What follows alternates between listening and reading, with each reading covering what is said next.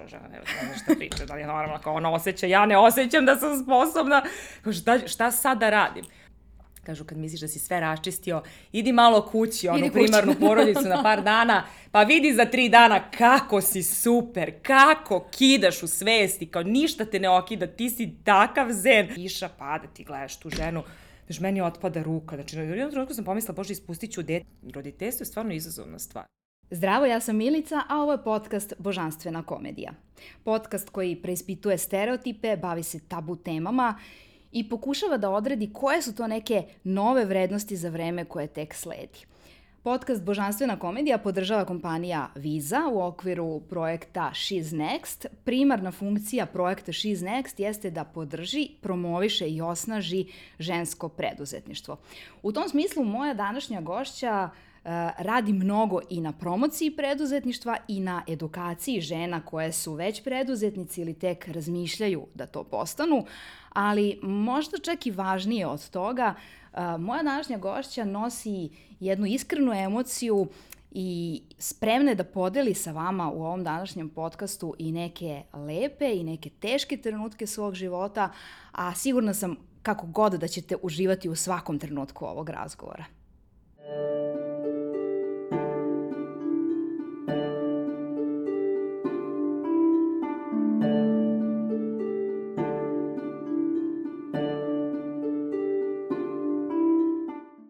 Sećam se kad sam bila neki, ne znam, šesti, sedmi, možda i osmi razred. Mislim da je osmi ipak. I drugarica i ja idemo iz škole i sad rastajemo se na nekom ćošku tako što pola sata ćaskamo na tom ćošku i prolazi neki dečko, malo stariji od nas, mm. ali utegnut, onako baš rokerski tip i kosa i neke uske farmerke i savršeno dupe u tim farmerkama. Dobar I frajer. pošto, da, i pošto mi nismo znali kako se zove, on je na, dobio code name frajer. I dugo on bio frajer, mi smo na kraju upoznali njega, Branko se zvao, zove se i dan danas zapravo, ali ovaj, to nam je nekako, znaš, kad, kad je neko baš, baš dobar, zgodan, lep, privlačan, mi kažemo frajer. Ti si frajerka. I uklapaš se u definiciju, znači strava si, zgodna si, lepa si, sve si. Ja, dobro dupe. Da, dobro da upijuš sve. Uh, ajde da krenemo od, od frajera. Znači, ti si u jednom trenutku bila neka akademska osoba koja u tom trenutku nije uopšte mislila da će da nešto bude preduzetnica i da ima agenciju za organizaciju venčanja, ali si krenula od bloga. Uh -huh. I blog se zove Jedan frajer i Biedermajer, ali i kao fokus je ipak na tom frajeru. Što je tad fokus bio na frajeru? Znaš šta, to je u stvari ona igra reči, jedan frajer i Biedermajer jer je dobra asocijacija, jasno, znaš, i onda su počeli tako onda da me zovu, ovaj, uz, u, kako se brand tako zove, I onda kao Ivana frajerka, znaš, i ja sad kao u nekom trenutku, ali ne, ne, ja sam Nežan Cvetić, ja sam onaj drugi deo, znaš, kao sad je tu kao nešto objašnjao. Ja sam Biedermajer. Da, kao ja sam Biedermajer, ja sam evo tako sva, ja shvatim, Bože Ivan, ako ti si jedno i drugo, šta se sad ti tu pravdaš, razumeš, kao, možeš biti jedno i drugo i dalje biti ono što si. Tako da jeste, da, od te 2012. sam krenula u stvari da pišem blog, I u to vreme, znaš ono što kaže blog, u to vreme to nekako nije bilo ni popularno ni aktualno. Ja sam počela da ga pišem iz uh, unutrašnje želje da nešto stvaram. Jer sam ove, u tom trenutku, uh, baš sam se nekako batrgala u sobstvenom životu i gušila. Uh, udala sam se, uh, krenuli su nam neki finansijski i zdravstveni problemi. Bivši muž je nešto pao u krevet bolestan. Ove, ja sam odjednom da samo shvatila da ono, ja nemam para ni za šta, da mi je život postao ono, posao, kuća i kao imam, ne znam, 30 i nešto godina i ne dobijam platu tri meseca jer sam u naučnoj ustanovi, u to vreme bio onaj štrajk ovaj, naučnih radnika. Znači, nekako mi je to baš bilo poražavajuće, znaš, toliko učiš, trudiš se i sad očekuješ kao neku satisfakciju, kao sad ću ja da živim, sad ću da putujem, znaš, i onda u jednom trenutku kao, bože, kao nemaš za osnovno, znaš. Ove, ja sam krenula ne, ne iz nekih materijalnih razloga, nego iz duhovnih, da bih sebi napravila jedan ventil i prozor u svet. Da bih malo sebe, znaš, onako izvela napolje iz tog mentalnog stanja. Mislim, to je u tom trenutku bilo najbolje što sam umela jer ovaj, nisam išla na psihoterapiju i tako, ali što kaže ovaj terapeut, nekako si izabrala neki kreativni način ovaj, izlaženja iz neke situacije, tako da je meni uh, frajer, uh, eto kaže, moj frajer, ovaj, koga sam ja stvorila, ja ga rodila, bio ovaj, uh, pa i neki put i mog samo isceljenja i sazrevanja i jako mi je važan, znaš, ne mogu da kažem da je to samo biznis, to je a, ljubav i ideja i, i, i proces samo izlečenja koje je postao posao. Tako da sam ja ono prezahvalna na tome.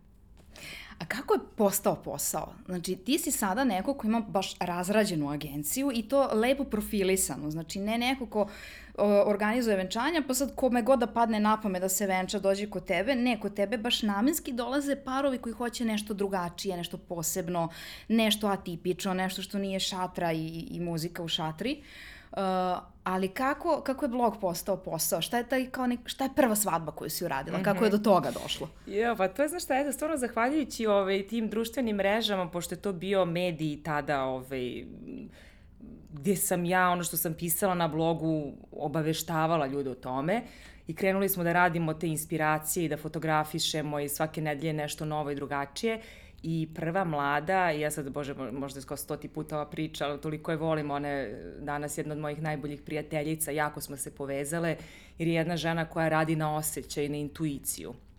Ona je mene videla na TV-u pošto je tad bilo malo blogova i ljudi su to jako čitali i onda su krenule i mediji, televizije, ne znam, novine, svašta onako kao ovaj, da, da, da bivam izložena I ona mene žena pozvala na sastanak i kažem ja hoću mi ti radiš venčanje. Ja i kažem vidi da ti kažem nešto, mislim ja tu u životu nisam radila osim za svoje, mislim ja stvarno nit sam organizator, nit sam se školovala za to, nit znam kako sad to ide, sad šta kako treba sve da radim. Ove, I onda mi je rekla, ne, ne, ne, ne, ne, ja, ja osjećam to, kao, ja kao osjećam da to ti, ti treba da radiš. Ako puža žena, ne znam šta priča, da li je normalno, kao ona osjeća, ja ne osjećam da sam sposobna, šta, šta sad da radim? Ove, I onda sam sela i pratila ih nazad sam se, toliko smo se dobro povezale da sam ja njih jako dobro upoznala i onda sam usput pravila neku strukturu kako se to radi. Dobro, posle kad rasteš, onda posle i platiš ljude koji ti postave posao. Ove, sad je to stvarno, onako kažem, dobro strukturisan ovaj, firma koja ovaj, zna se ko šta radi. Uh, Tako da, eto, to to eto, bilo je slučajno, stvari se otvorilo da tržištu tako nešto treba. Znaš, ja, ja ne mogu ti kažem da, sa, da sam ja sanjala da bude wedding planner ili kao, znaš, bilo mi je dodatni posao gde mogu zaradim neke parice, od prvog posla da ishoblujem parket, od drugog posla da odemo na more, znaš, kao skinem španski zid, okrećimo stan, kao eto, tako je krenulo usput i onda je raslo. I ovaj, stvarno je taj proces prelep, pretežak, ali jedno smo čak nešto i razmijenili na tu temu, ove, kad ti um, niz kakvih resursa u stvari gradiš nešto, kad ti uh, bukvalno dinara nemaš, nego sve što zaradiš ulažeš u taj posao mm -hmm. i ne znam, drugačije osjećaj, mnogo više ceniš, mnogo više ceniš ljudski rad, ceniš svaki zarađeni dinar, ceniš kada neko tebi nešto pokloni da pruži, prosto znaš kako se do toga dolazi, da nije to tako palo s neba i prosto neko ta zahvalnost je uh, intenzivnija i to, ta samo realizacija je drugačija kad ti znaš uh, da možeš, pa makar i propalo, ti znaš da nešto možeš.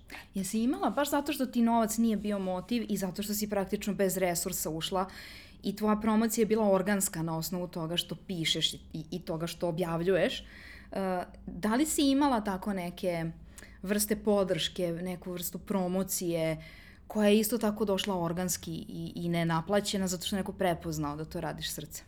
Pa jesam, znaš i to je mnogo lepo, to je to baš onako pomaganje međusobno, Ljudi, ljudima kad se nešto svidi, oni to dele. Ove, I obično nekako, znaš, u tom nekom lancu uh, pomoći, e, to tako i treba da bude, da neko ko je u tom trenutku, ajde da kažem, više, vuče ono ko je niže, ko tek nešto kreće, ovaj, to je tako lepo, pa onda ovaj povuče nekog ispod sebe, znaš, nikad, nikad se tebi ne vrati linearno u smislu mm -hmm. tebi neko pomogne, ti mu vratiš, znaš, i to je tako, nego taj ceo krug ovaj, pomoći i, i zahvalnosti i ide tako da jedni drugima pomažemo i vučemo se. I da, ovo sad, ono, ne znam, Sad sam se setila ovaj, frizerke koja mi je za venčanje napravila frizure, nisam imala para za probu. Ovaj, I ja je kažem, mislim, vidi ti kaže meni, ja sam stvarno izdvojila, meni je ovo velika cifra, ja nemam para sad da probam tu frizuru i ja ti verujem, verujem da će to biti dobro. I ona meni kaže, Srana iz studio prostora, ona meni kaže, sedi ovde. Ona se što toga ne seća. Ove, I ona meni napravi tu frizuru i ona kao, e, lakše mi ti napravim nego posla budeš nezadovoljna dan svog venčanja, evo ovako. I mi dan danas radimo. I ja sad prema takvim ljudima, Znači imam onako duboko ljudsko poštovanje, jer u trenutku kad ja stvarno nisam imala, oni su meni nešto dali, ja sad njoj nabacujem klijente zato što znam prvo da je žena kvalitetna, da dobro radi, a drugo da je jedan izuzetan čovek i preduzetnik, znači jer sam prosto osetila na svojoj koži. Tako da, eto, mnogo su to lepe stvari. Ne, ne znam, Mihano Momos, on je tad bio dve godine onako poznat, bio najbolji dizajner. Na njega sam i mislila u stvari. Da. I, jeste, jeste, on je baš onako super, ovaj, baš je onako čovjek koji je onako iz velike ljubavi i energije isto stvorio taj svoj brand. I ovaj, ja ga zovem, znaš, u tom trenutku ja sam neki no name, ono, ne znam, hiljadu pratilaca, znaš, on u tom trenutku ima 16.000, što je bilo to vreme kad ti kao na mhm. Facebooku imaš 16. Kao da sad ima 160.000. Da, da, mislim, to je sad nekako, znaš, dobilo totalno druge razmere sa tim brojevima i tako. U to vreme je stvarno nekako to bilo prirodno i, i brendove su pratili ljudi koji stvarno vole to i veruju to. I ovi ja ga zovem i kažem, ja, ja bih došla tako da napravimo jedan intervju, ja mnogo volim tvoj model, razumiješ, ja u tom trutku isto nisam imala para za njegove haljine, to znači nije bilo govora. I ja dolazim sa bratom u Novi Sad, moj mlađi brat fotografiše, mi sad on meni daje, ja probam te haljine, znaš, ja tu, ono, osjećam se kao princeza, ja, znaš, ono, pre, mislim, baš sam uživala. Ove, I tako, znaš, tako smo krenuli saradnju i dan danas moje mlade tamo kupuju ovaj, haljine. Ja stvarno sa zadovoljstvom šaljem, zato što znam uh, šta će dobiti i prošle godine ima baš proslavu ovaj, gde je zvao svojih, ne znam, 40 saradnika i eto, to su ne, neke lepe saradnje gde ti je neko dao nešto ljudski i sad imaš priliku da mu uzvratiš ili da ono prosto nesvesno se zahvališ nekome ko te povukao, znaš. I dalje to tako ide, znaš, jedni i drugi. Ili, ne znam, Jelena Karakaš, ona u to vreme ova, imala blok o ne voli cipele, ne voli ljudi. Mislim, dan danas nekako, znaš, mi kad se sretnemo, to je to, znaš, to je, mislim, mi se nikad nismo družile, ali prosto volimo da se razmenimo, znaš, jer to je neka, neko se ljudi prepoznaju, svidi im se nešto i onda neko nastanu neke lepe priče saradnje. Da, pomenula si to, taj organski rast kroz, kroz Instagram uh, i kako zapravo si ti kao pisac kroz novi mediji, kroz blog, bila interesantna i te tradicionalnu mediju kakve, kakva je televizija. Uh, sada imaš baš mnogo pratilaca i ti si praktično javna ličnost, ti si neko čiji život prate baš mnogi ljudi, ti, ti ni, ne poznaješ ovaj, svoje, svoje pratioce i one u čiji život stalno ulaziš, ali mnogo više u stvari oni ulaze u tvoj. I to mm -hmm. je mhm. bila zapravo tvoja svesna odluka, znaš, da ti uh, pomenula si recimo uh, kako u tom trenutku nešto nisi imala novca. Uh, mi smo generalno kultura koja ne voli da razgovara ni o čemu što nije super. Mi volimo da se predstavimo mm -hmm. mnogo boljima nego što jesmo i ima ona čuvena rečenica iz uh, filma Ko to tamo peva, kada deka kaže da nema da plati, pa neko kaže pusti deku, vidiš da je sirotinja, a deka se nadjeti i kaže ko je bre sirotinja, daj pet karata. Iako neće imati leba da jede, ali će pet karata da kupi da bi on dokazao nekom da on nije sirotinja. Da. I to jeste odlika, odlika siromašnih društava. Znaš, neko mhm. osvešćeno tipa nemačko društvo neće mhm. imati potrebu da se razbacuje mhm. novcem. Uh, ali ti imaš osim što je zdrav odnos prema tome, ti nemaš ni problem da pričaš o tim stvarima koje nisu idealne. I to mene u stvari fascinira. Ti si neko čiji život jeste online, ali si ti jako otvoreno govorila i dan danas govoriš o danima koji su teški.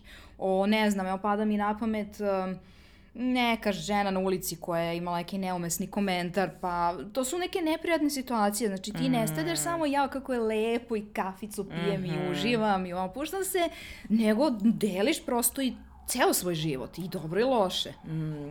Znaš šta, ovaj, to jeste svesna odluka, jer te mene stvari stvarno rade. Znaš, u smislu um, odnosi, uh, kako to se reflektuje na nas, jer mi smo zaista mnogo smo svi okrenuti ka spolja, znaš, i samo što se spolja vidi, toliko mi je žao, Ove, izašla sam u subotu u grad i kažem, bože, toko mi žao Beograda, toko neki, tako su se ljudi nešto stegli, stavili neke maske, znaš, nema više te razmene, znaš, nekako mm -hmm. lepe, pa makar bila, eto, kao dobila sam neumesan komentar na ulici, ne znam, nešto mi je detetu ovaj, ružno rekla, pa sam ovaj, odreagovala. Ovaj, znaš, jer ti kad imaš i takve stvari, ti si u odnosu, a kad ti nemaš ništa, kad smo svi jako srećni, jako veseli, jako nam je sve lepo, mi smo bre šizofreni. Tako je, Zumeš, da. znači mi smo u stvari jako tužni, jako isfolirani, jako se plašimo, jako se bojimo da uđemo u bilo kakvu ljudsku razmenu i to je stvarno onako baš jedan balast i, i, i tuga ovog vremena. Znaš, ovaj, ja ne znam, znaš, eh, lagala bih te kad bih to rekla, kad bih ti rekla da radim za druge, pa sad kao viši cilj, možda, mislim, naravno, to nekome pome, pomogne. Meni je stvarno to zaista bio neki moj lični proces isceljenja i, i, i znaš, u jednom trenutku kad ljudi, ljudi kao, a dobro, bre, Ivana, kao, znaš, to kao to tako iznosiš, znaš, kao treba privatan život čuvati, kao prosto to je, znaš, onda su ljudi zlonamerni. Ovaj, Ja, ovaj, setim se sa bivšim mužem, smo tako pričali, znaš, ona ima ovaj crtano film, kaže, a sta mi Mozef. da, da, da, da.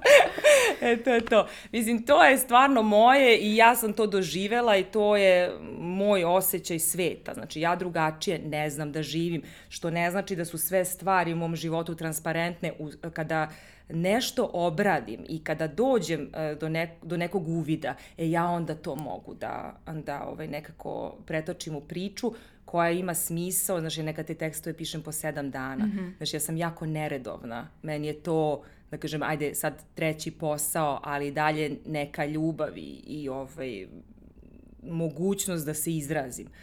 Ove, imala sam tu sreću i zahvalna sam na tome, a i, i poradila sam na tome da klijenti koji me angažuju za online marketing, da im ne dozvoljavam da mi se mešaju tekst zato što to znam da radim, za to sam školovana i a, u krajnjem slučaju angažovali ste mene mm. zbog toga.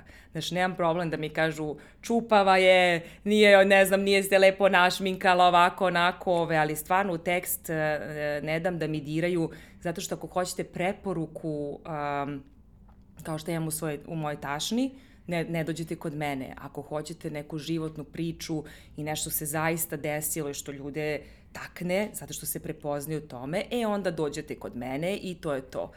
Tako da, eto, ne znam, ove, na kraju delim, ali vrlo, znaš, vrlo vodim računa, znaš, vodim računa o ljudima oko sebe, jer često sam ja inspirisana nekim, pa naš, našim razgovorom, ne, nekim ovaj, prosto životnim okolnostima, nečim što se meni dešava, ne, nečim što se dešava nekom u mojoj neposrednoj okolini. Vrlo vodim računa, vrlo sam svesna da je to javno, vrlo sam svesna kad prikazuje moje dete kako i šta je, ali ono što je važno, ne trudim se da ulepšavam stvarnost. Eto, to je možda to što, što su ljudi prepoznali. Da, i e, moguće da, upravo si da je, da je to ono što, osim što nedostaje na mrežama, jer je sve tako inače savršeno, da je to ono što im se i najviše sviđa. Jedan drugi gost u nekom podcastu mi je rekao da je zapravo sve druge boje ne mogu lepo da se vide ako nema i crne. Mm, Objašnjavajući znači razlike između uh, LED i plazma ekrana zapravo, ali, ali to je car. tako i u životu zapravo. Ako nema da. crne, da. ti ne ceniš zapravo ni, ni ove druge boje. Um, ti si između ostalih stvari o kojima si otvoreno razgovarala bio i tvoj razvod i to je takođe bila svesna odluka. E, da li si promišljala u napred u smislu ja se bavim planiranjem venčanja? Znači ja sam sad tu mm. neko ko će parovima da pomogne da uplove u taj brak, a eto moj se upravo završava. Kako si se uopšte mm. osjećala sad brak se završava i to nije proces od pola sata, to su meseci, a ti treba da se baviš tuđim brakovima. I to kao u onoj najboljoj fazi. Mhm. Mm -hmm. Joj, znaš šta jeste, baš, baš to jeste bilo ovaj, onako i, i triki i teško, znaš, e, razmišljala sam kako će meni brend da trpi zbog mm -hmm. toga ako ja javno to kažem, ovaj, jer ceo brend je izgrađen na porodičnim vrednostima, na, uh, na odnosu dvoje ljudi koji rezultira brakom i, i porodicom i decom i svim tim. Znaš, i to, mislim, to, to jesu moje vrednosti. Znaš, time što se meni brak raspao, uh, jednom trenutku sam shvatila teško je, znaš, te, na ženama je zaista veliko opterećenje jer nekako ovde u ovoj sredini nose taj krst, ona je neuspešna, brak je propao, mi to u stvari sebi tovarimo mm -hmm. jer mhm. smo tako vaspitavane da budemo krive za sve. I onda ovaj, kroz terapiju, kroz psihoterapiju, procesuiranje svega, ovaj, neko sam shvatila, znaš, ono, imaš ti svoju odgovornost, 50% tvoja, 50% je tuđe. Znači, ne smeš da ideš u taj ni 51%. Znači, to je sad onako izazovno da ti shvatiš šta je tvoje, da obradiš, da sebi oprostiš, da nisi umela bolje, pa toj drugoj strani da ni on nije umeo bolje. I ovaj, radeći za druge, znaš, imala sam jedan period kad sam onako, kad smo baš bili loše, kad sam, znaš, onako ti sad gledaš tu sreću i, znaš, ljude kako se vole i tako ja kao razmišljam, ja, ne znate šta vas čeka, kao, ja, tako, kao, tako smo i mi isto, znaš. Ove, kao, nije, nije, nije u braku baš svaki dan takav, znaš, i onako sam, bilo mi onako, znaš, kad vidim ljudi da se ljube na ulici, pa kao, ja, kao, znaš, kao, ja, nemojte, molim vas, znaš ali ovaj, čini mi se kad smo nekako to posložili i kad se to sad stvarno raščistilo, ovaj, ne znam, da mi se opet vratilo to uživanje. Znaš, baš sam onako, um, kad, kad ti stvarno osetiš da se ljudi vole. Znaš, posle šta dalje, šta god da se desi, ali stvarno kad ti osetiš da tu postoji povezanost, da, da to onako dubinski, iskreno, ti ne možeš da ostaneš imu na to. Mislim, ja se svaki put ježim. Znaš, ono, i u crkvi napravi poljubac i onda plačem i tako. Znaš, mislim, uh, prelepo je, ne, nema šta i to su onako neke najiskrenije ljudske emocije i time treba da se inspirišemo. Tako da ovaj, u nekom trenutku života i kad nam nije tako, naravno da život i, i da odnos nije svakodnevno takav, ali su to lepe stvari i eto, i, i, i srećna sam i privilegovana što ljudi sa mnom dele takve stvari. To očigledno znači da ja a, to mogu zajedno sa njima da iznesem. Tako da eto, hvala im svima. Možda bi u stvari trebalo da promenimo percepciju to, te doživotne monogamnosti. Znaš, mi percipiramo i to zapravo u jednom kratkom periodu čovečanstva, mnogo kraćem nego onaj prethodni razvoj čovečanstva gde je bilo prirodno imati, menjati partnere, imati mladunce mm -hmm. s različitim partnerima. Uh, možda bi trebalo samo da odustanemo od te uh, happily ever after, znaš, to što nas Disneyevi crtači su nas učili kad smo mi bile male, sad su drugačiji potpuno, srećom, ali to iz tih crtača našeg detinjstva, da kao je poenta da nađeš princa i onda ti do kraja života živiš s njim, možda treba da nađeš tri princa i svaki put da se udaš i svaki put da bude brak i svaki put taj, taj brak da bude bajka kakve ti praviš i da onako do koske uživaš u tome, a ne mora da možda traje do kraja života. Ja imam utisak zapravo da je ovo novo vreme donelo neku drugačiju, drugačije viđenje e, i razvoda i braka zato što poslednjih 20-30 godina se srećom menja uloga žene. I žena nije više toliko pasivna i možda može da izabere da ne ostane u braku kojoj ne odgovara. Mm -hmm. Mnogo više nego ranije zapravo. Da. Uh, Znaš šta je meni ovo? Ja sam onako, znaš, e, poprilično patrijarhalno vaspitana i nekako, sad se ono što kaže, dvije, se u meni pobiše sile. Ove, um, meni je veći izazov biti sa jednom osobom i a, raditi na sebi i naravno je ta osoba isto i nekako zajedno kroz život prevazilaziti različite izazove. Naš danas nekako je postalo lako, kao razvedem se, pa kao uđem u novi, u novi odnos, pa kao sve isto ponovim. Znači, ti ako nisi naučio svoju lekciju, majstore džabe ti sve. Da. Znaš, veći mi je izazov uh, upoznati, zavoleti sebe uh, takvu kakva jesi, zaista, i moći sa nekim to da deliš najiskrenije, imati strast i saosećajnost i tu ono, kreativnu empatiju i prosto uh, ne kažem da je lako, Znaš, nije to uopšte sad kao kad ti dođe svakodnevna situacija kao sa, sa decom, ovaj, pa ti kao, znaš, tako ti super čitaš knjigu, je kao, ja, moje dete, tako divno. Onda, znaš, dođe ti situacija ko polomiću ga, prvi divno šta mi radi, znaš, kao svašta nešto, ali, ali čini mi se sa tom, eh, sa, sa osvešćivanjem, uh, mojih mehanizama, kako ja reagujem, kako mene trigiruje dete, muž, partner, uh, prijatelj, da, imamo, da, da imam veću mogućnost da na tome radim. Mm -hmm. Znaš, ne isključujem uopšte mogućnost poligamije i to ovaj, kome prija, ja, ja kako ti kažem, verujem i želim, ne želim zaista da ostanem sama do kraja života i znam da neću, znaš, prosto imam toliko toga da podelim, da dam, da pružim, da primim, tako da nekako, znaš, u ovom slučaju će sigurno biti tako, ove, ali baš onako, čini mi se da je to veliki izazov današnjice, sklopiti se sa sobom i onda ta osoba pored tebe ili može ili ne otpadne ili ostane. Ali, znaš, znam dosta žena koje su imale različite probleme u braku, koje su mnogo radile na sebi i time povukle muškarca. Mm -hmm. Ali taj muškarac hteo da radi. Znači, voleo tu ženu, ništa ne razume, ništa mu nije jasno šta ona radi, ali on želi da ona bude srećna i da bude uz nju.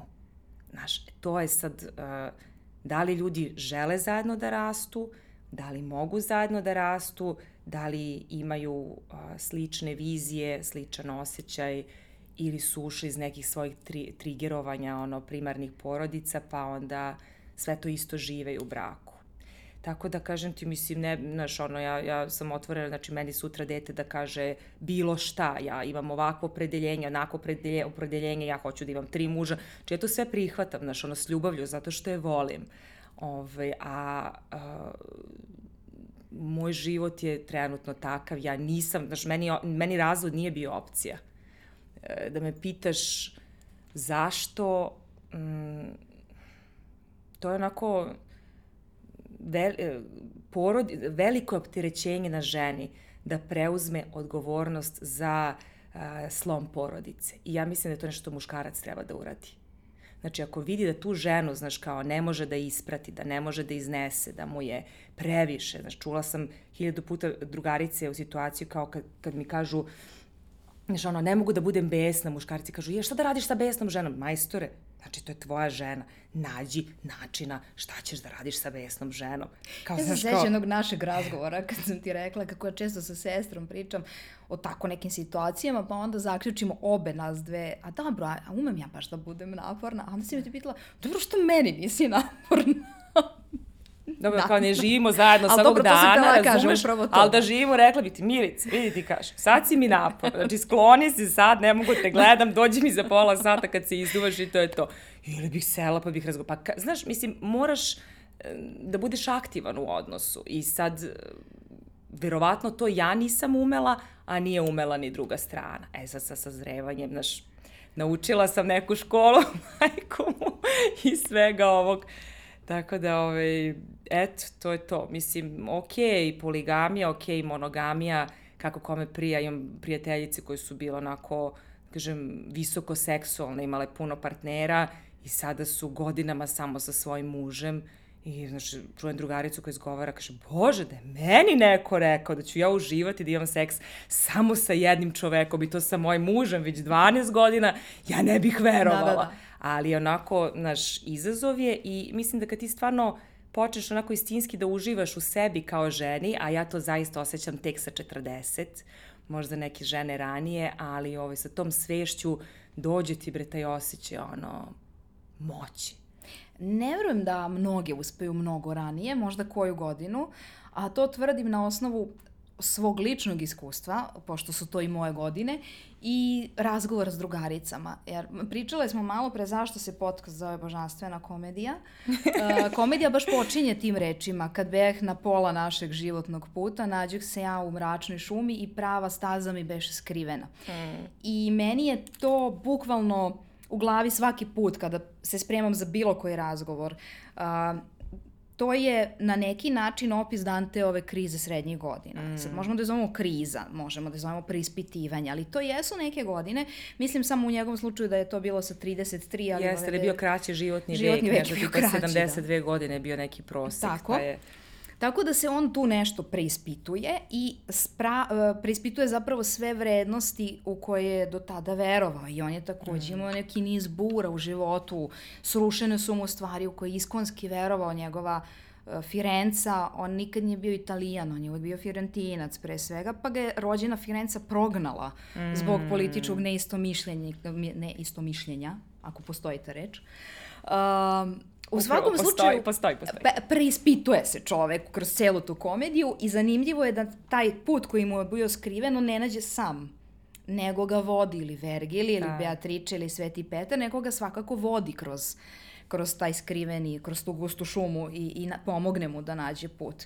E tako mislim te godine naše jesu neko preispitivanje, uh, neko odbacivanje predrasuda ili stega, neko m, možda prvi put prestanemo da nekom drugom ugađamo i pošto si seks pomenula, možda prvi put toliko dobro poznajemo sebe da konačno možemo da zaista uživamo u tom seksu.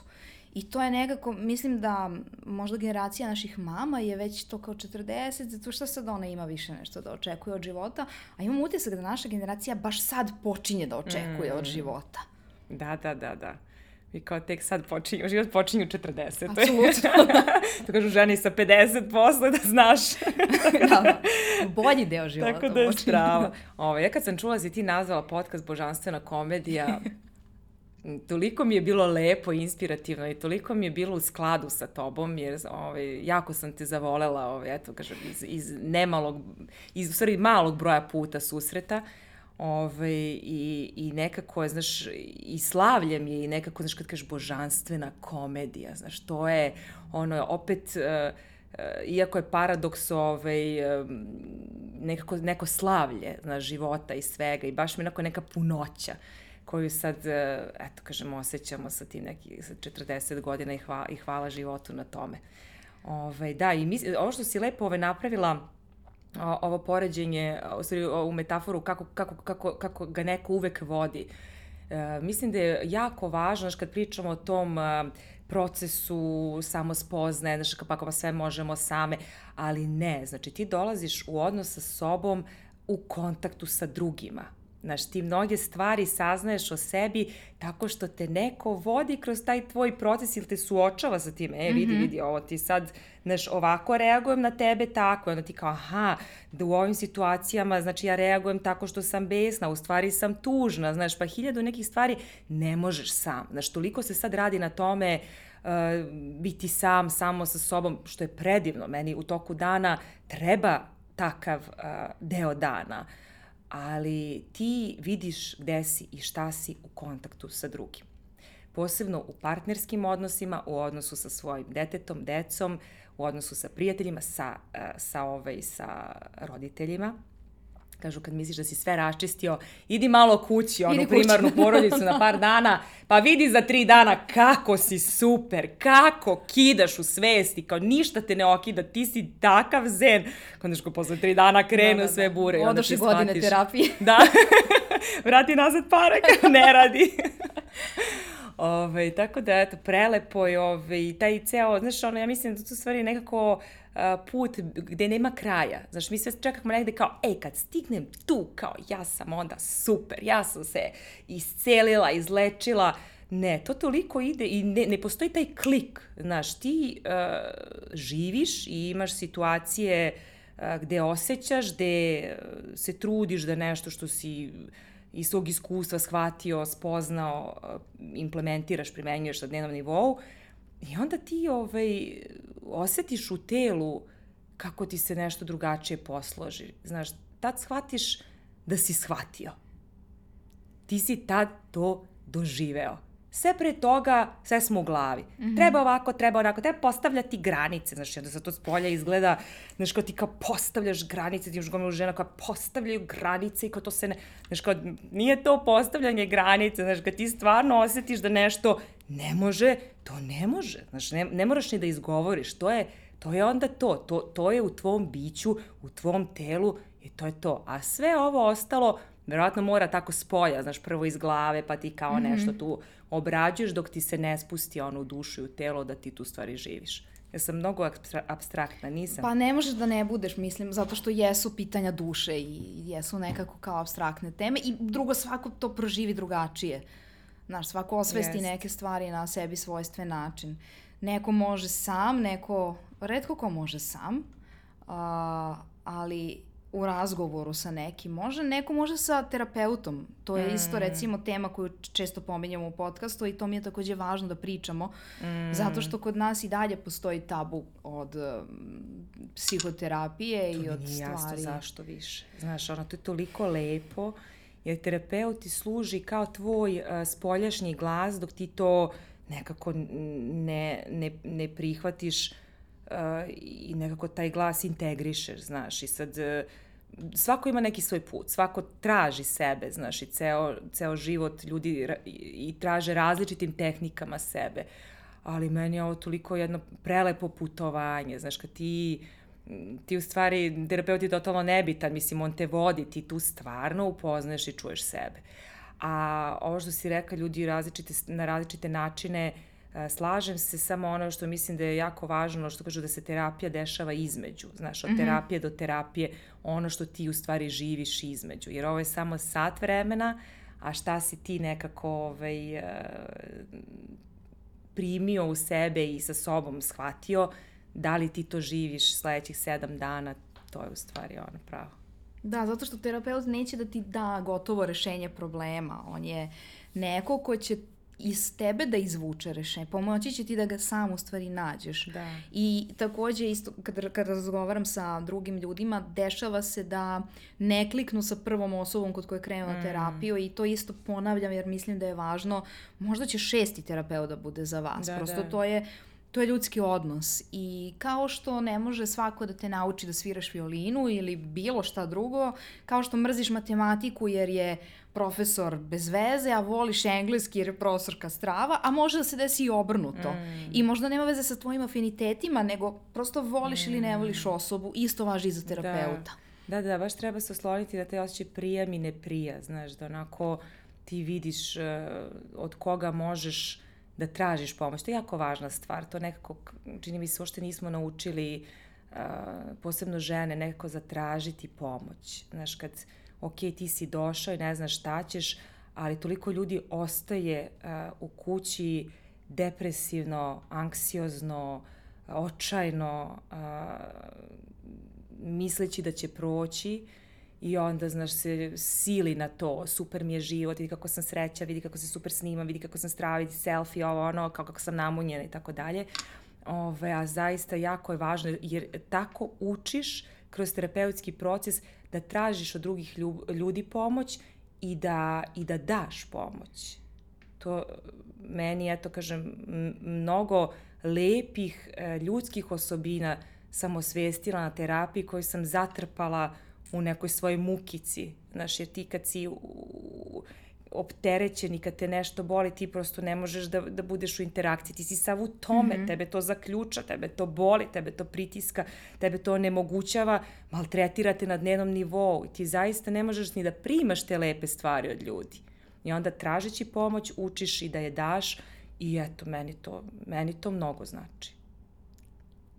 Uh, hvala ti što govoriš o tome otvoreno, mislim da je to baš važno i da, znaš, kad, kad gledamo u svom krugu, terapija je strava, ali kada izađemo iz sobstvenog kruga, onda shvatimo koliko su neke teme i dalje tabu kod nas. Um, ali pomenula si da ti je i blog i zapravo preduzetništvo bila neka vrsta terapije, odnosno tera, terapeutskog rada. Uh, I ti si zapravo radeći svoj regularni posao u Srpskoj akademiji nauka i umetnosti pokrenula ne samo blog nego i posao.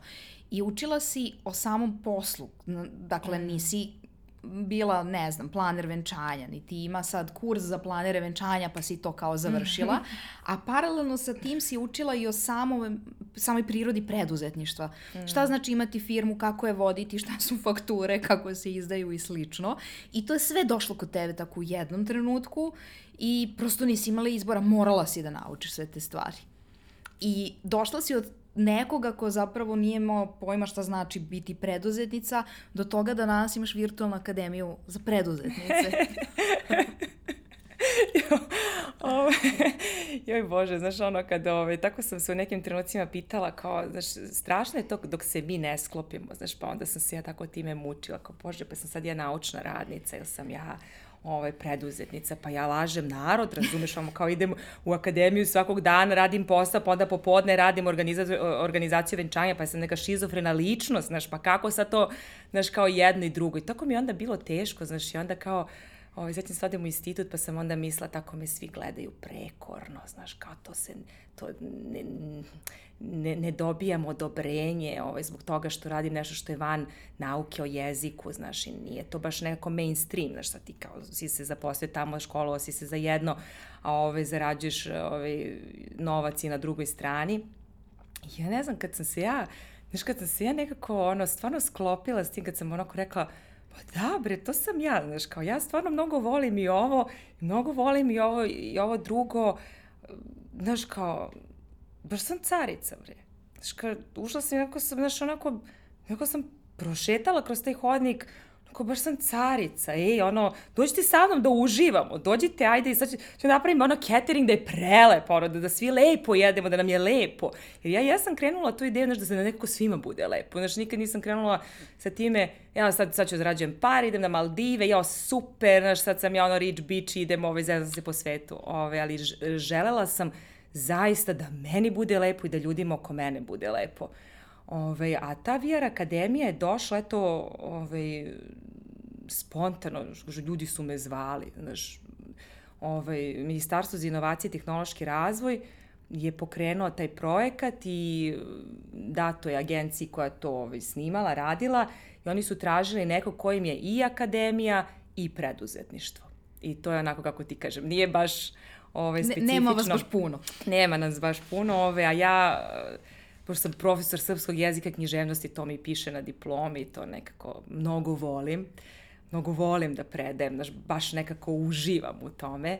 Ovaj, prelep mi je taj projekat. Toliko, toliko mi je bilo lepo što ovaj, sam nekako e, dobila priliku da neka znanja, iskustva koja sam e, stekla, znači nisam ih naučila, nego je išao taj neki prirodan proces, i eto, pošto ne postoji neki univerzalni recept, kao, e, radite ovako, to će funkcionisati za vašu firmu. Ne, to ne postoji. Znaš, kad ljudi kao, kako si, šta si, mislim, mogu ja sve da vam ispričam, ali svako treba da oseti za svoj posao, mada postoje stavke koje kao treba da odradiš, kao to fakture, razumeš, otvoriš firmu, ne znam, šta se radiš operativno ovaj, na dnevnom nivou. Ove, ovaj, I prelep je projekat i besplatan je, i onako informativan, znaš, i to nije ništa što nije već ispričano, znaš, na YouTube-u i na stranim jezicima i tako, ali je lepo što postoji na domaćem tržištu, ja, ja mogu kažem da sam uživala i verujem da će i žene koje to slušaju, znaš, ono, u prevozu, kod frizera, uh, bilo gde nešto novo da nauči ili, makar da se inspirišu. I on je na tvom, primjer radi Instagramu, mislim, jako se lako dolazi do njega, samo se ne sjećam da li je u highlights ili ti u opisu profila, ali tu je negde link jeste, čim se uđe. Jeste, jeste, jeste, jeste, jeste. I uđe se, to je vrakademija.com com i uđi si onda izgleda mnogo lepo kao neka virtualna akademija, to nisam ja radila, to je cela produkcija radi, ja sam tamo ovaj, da kažem, profesorka bila, hvala Bogu, znaš, ono, ne moram više sve da radim sama. Strava mi je, ovaj, baš je, baš je prelepo iskustvo. Prošle godine smo radili, bio je početak, bio je prvi, prvo, prvi serijal ove godine, drugi i mnogo mi je značilo jer ja u tom trenutku uh, ono, razvodim se, uh, znaš, ono, nekako se troškovi udvostručuju, jedna kuća, druga kuća, dete, ja, bivši muž, sve to onako emotivno, sve turbulentno, to su još neki akteri sa strane, Ove, i meni dolazi to da radim, a ja onako milice zgrčena, znači, znaš, onako grudni koš mi se stega, znači, vidim svoj položaj tela, ja ovako, znači, nikako ono se otvorim u punom kapacitetu, znači, onako sam, vidim, tačno vidim razliku prošle godine i mm -hmm. ove godine. Znači, nekako vidim, ne, ne, na, ne na samopouzdanju, nego na osjećaju, na tom, uh, neko sam stala sam na rudu, da znam da je neko to to i, i taj strah se i smanjuje time što ulaziš u strah. Jer pre toga nikad to nisam radila, znaš, a onda sad kao to sad prvi put nešto vodim tako, ovaj, kao što ti sad imaš svoj podcast i vodiš. E, I hvala ti na osnaživanju, zato što si ti, ja mislim, druga osoba koja sam pomenula uopšte podcast i preispitivala se da li je to uopšte potrebno raditi i razlog što sam ga pokrenula jesu baš ove teme o kojima pričamo, zato što smo ti ja mnogo puta pričale I svaki put kad ti nešto pričaš, ja pomislim, o bože, ova žena priča stvari iz moje glave a toliko redko se priča o tim stvarima koje su baš važne. A mislim da je baš važno da neka žena čuje kako je proći kroz razvod, kako je pokrenuti firmu, kako je uh, moguće pokrenuti firmu, kako i ti imaš neke strahove i neka preispitivanja dok pokrećeš uh, da. firmu. Tako da hvala ti na, na osnaživanju da ovo ipak uradim, verovatno ne bi bilo podcasta da ne bi bilo te tvoje po, psihološke podrške. Hvala ti još jedno na tome. Mnogo mi je drago, mislim da si rođena za to i mislim da je važno zato što, znaš, jedno je kada teoretičar književnosti piše o nekom delu, a književnik je nešto drugo. Tako je isto kada ti preduzetnik priča o poslu i neko ko je prošao, totalno drugačije nego neko ko se bavi online marketingom, ko se bavi biznisom iz teorije i tako dalje. Znaš, ono, majstore, nije baš tako. Znaš, ono, u praksi neke stvari tako ne funkcionišu potrebne su ti neke potpuno druge veštine i neki, znaš, ono, potpuno drugi osjećaj od toga što u, što u teoriji tako divno zvuči, što kao pije, pije vodu. Tako da mislim da je baš važno. Znači, mnogo, mnogo mi je drago da ljudi vide žene koje su zaista ono, znaš, ostvarene, podigle bre nešto u svom životu, izrodile troje dece, brinu se o deci, uh, nose, znaš, neko, ceo život je žongliranje, znaš, i ti sad uh, osluškuješ sebe, osluškuješ tuđe potrebe, ispunjavaš svoje potrebe, ispunjavaš tuđe, uh, ideš kroz život, nešto gradiš, znaš, uh, i ono što smo rekli od samog starta nije stvar u lovi, znaš, ti gradiš neki brend, nešto što ima vrednost, nešto u čemu ljudi uživaju i stvarno je važno da ljudi vide te žene, jer va, mislim da je važno za generacije koje dolaze. Mm -hmm. Znaš, dosta je, ovaj, dosta se uh, ide na, na, na neku, ne znam ni ja, znaš, ono kao bezličnost, neemotivnost, ne, ne, nešto potpuno ono fleta, seksualno, bez nekog ne znam, bez neke punoće života, znaš. Daj mi bre ljude koji su bre nešto iz sebe stvorili, znaš, ono i muškarci i žene, hoću to da gledam, hoću da gledam tu životnu energiju koja nešto stvara, znaš, jer meni je sad lako da primim, znaš, meni je sad lako, ja, ja ranije nisam umela da primim piće, znaš, jer kao, nemoj ti kao imaj svoj dinar i tako. Znaš, totalno je drugačije kad ti zaradiš svoj dinar i kad ti znaš da nešto stvoriš, ti sa takvim zadovoljstvom primaš. Mm -hmm. Ti toliko... I, ili ih daješ jednako. I daješ, da. tako je, i primaš i daješ. Tako da mi je, znaš, ono, prelepo i mislim da stvarno, ono, i tvoji gosti i, i, i ljudi koji ovde dolaze su ljudi koji stvarno su prošli nešto u životu bez toga da se čuvaju uh, da ne budu povređeni, da se ne izlažu. Znaš, jer tim izlaganjem ti, znaš, i sazrevaš i ono, staješ iza sebe i, i iza ljudi koji su tu sa tobom i čistiš, i, i čistiš, znaš, nekako čistiš e, okruženje, privlačiš ljude sličnije sebi i onda to je to, znaš, ne, ne treba svi da te vole. Da, tako je. Tako je i nemoguće. Nemoguće.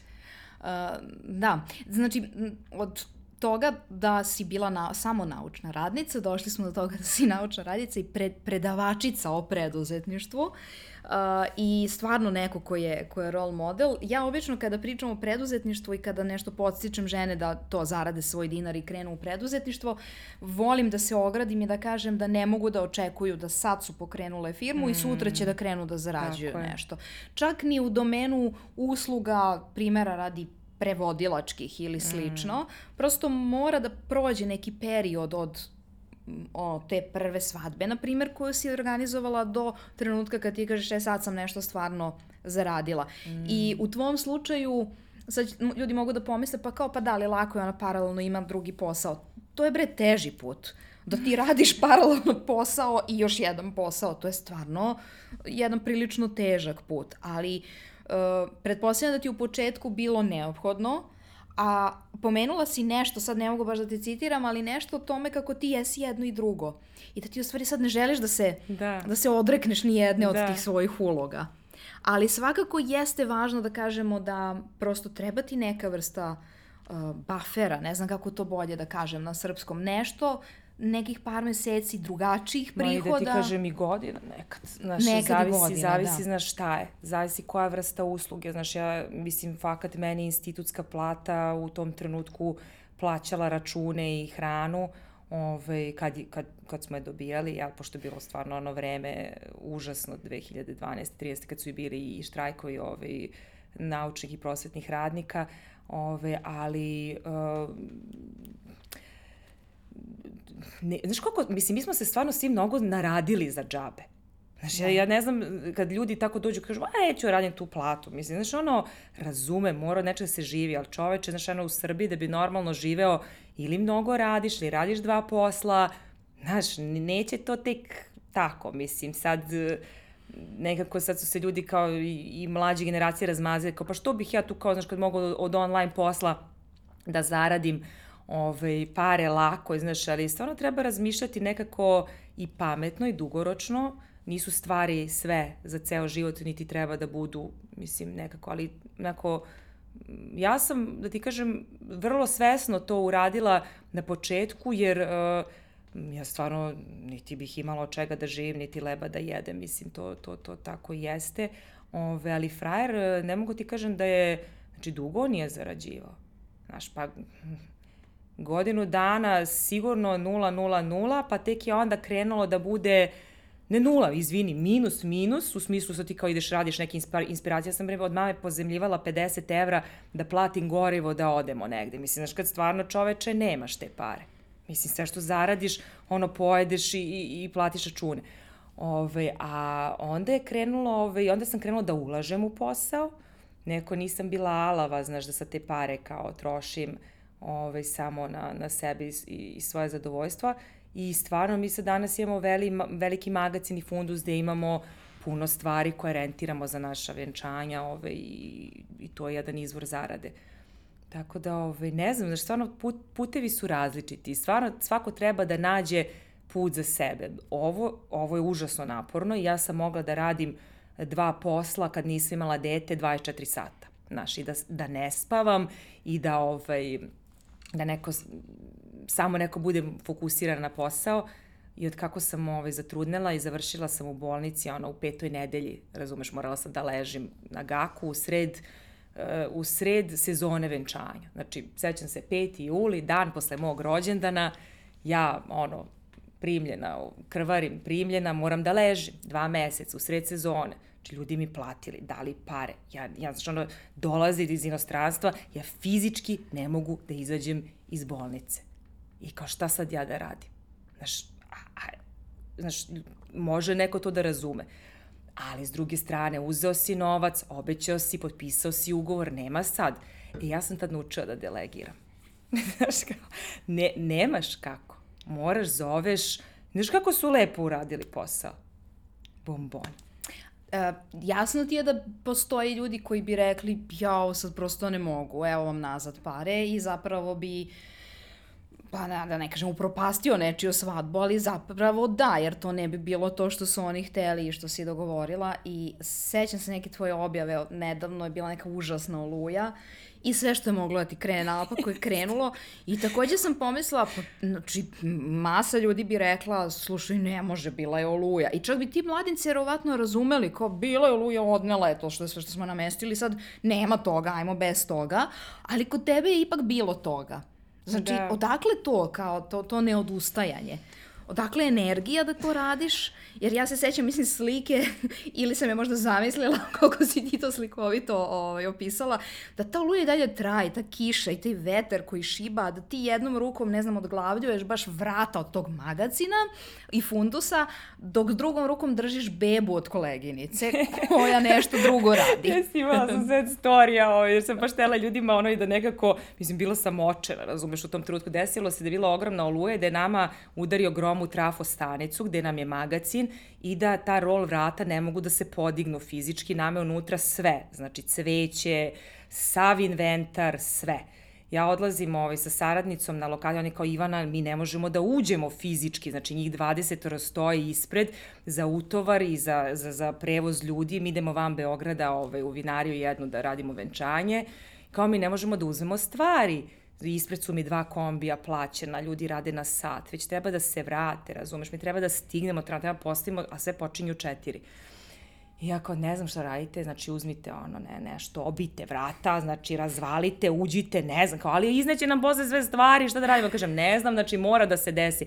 E sad, velika je sreća i, i, i ja nekde to vidim stvarno kroz taj rad na sebi, da sam se ja konačno kružila ljudima ko, u koje mogu da imam poverenja. Znaš, i, i ti ljudi, čak i kad ja nisam tu, doživljavaju frajera kao nešto svoje, Znam da me ne bi ostavili na cedilu, to mnogo cenim.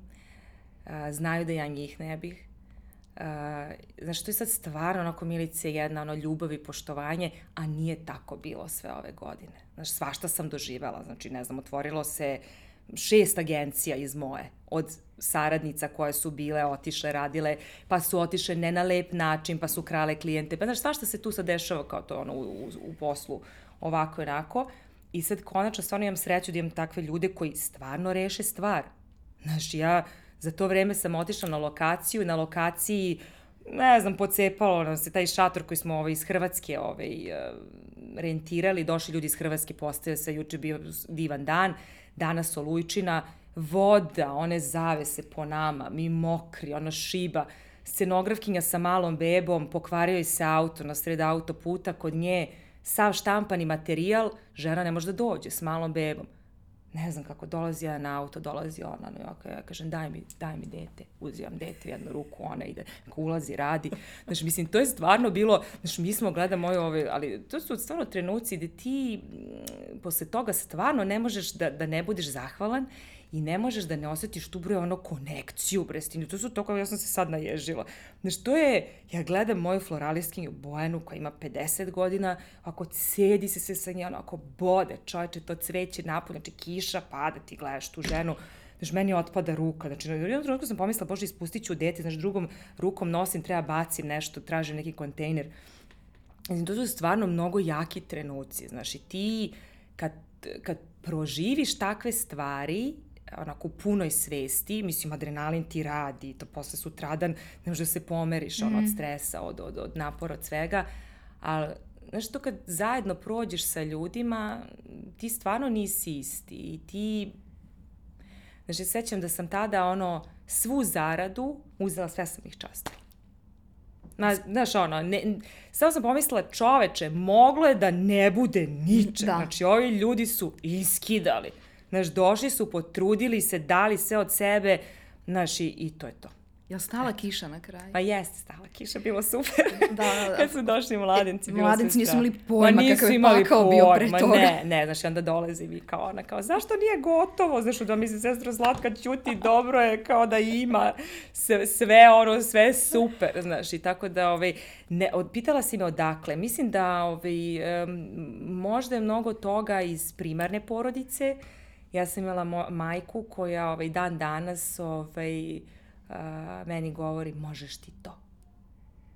Znaš, ja šta god da je, ono, umirem od straha, znaš, ono, preznojavam se, kidam se, dovodim sebe u cajtnut s vremenom, ono, spolne neke okolnosti i ja, ono, imam glas koji kao kaže, možeš ti Da, da, isto, to je, zato se možda i prepoznajemo, jer je kod moje mame i ličnim primerom je pokazivala da možeš ti to, i drugo uvek, sećam se da sam imala neki trenutak očaja u februaru kada je počeo rat u Ukrajine i ja zaključila da će to sad biti i sve, treći svetski rat i da ja ne mogu, ja ne mogu to ponovo, ja ne mogu ponovo i inflaciju i taj strah i tu nesigurnost i te restrikcije, ja, ja to ne mogu ponovo da preživim, a mama kaže, ali možeš, jer već si preživela, znaš da možeš i kako treba ponovo ćeš, jer mm, moraš. Nema mm. tu sad nekog kao izbora.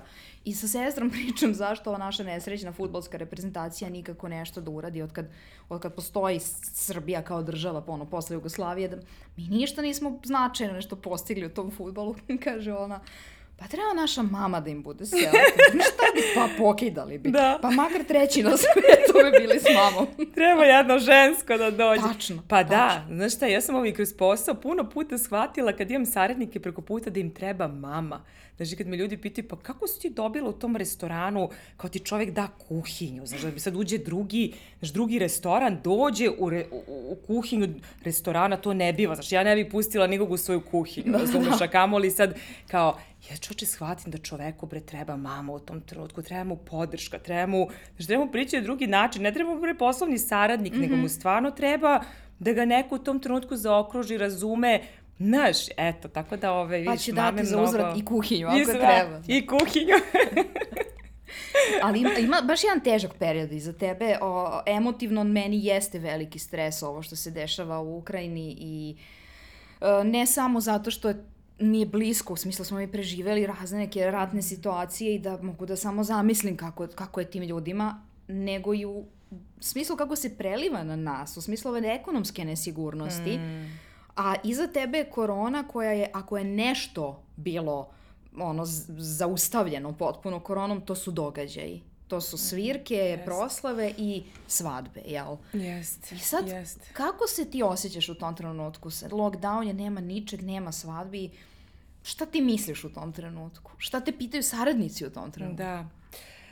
Pa znaš to, to, to baš onako jako neočekivano se naravno desilo i niko kažu kao pametne firme prave zalihe, znaš, za te trenutke. Sad ti kad si mala firma, pa nemaš, znaš, baš toliko prostora praviš za, zalihe.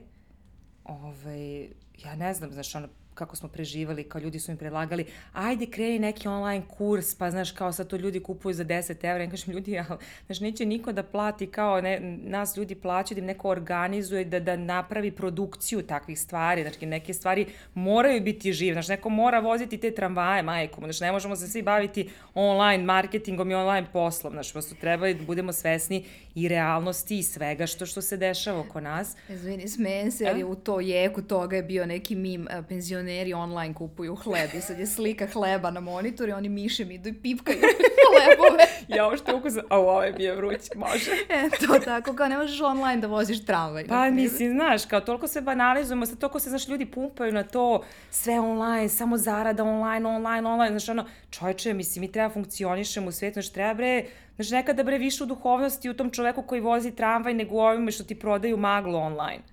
Znaš, mislim, ajde malo... Ti prodaju duhovnost Duho... online. Tako je, da, da. tako je, baš to. Ove, uh, pa preživeli smo, znaš, mala firma, preživeli smo, ja sam, sve što sam imala uložila tada u to da, da preživimo i sad su stvari osjećaju posledice.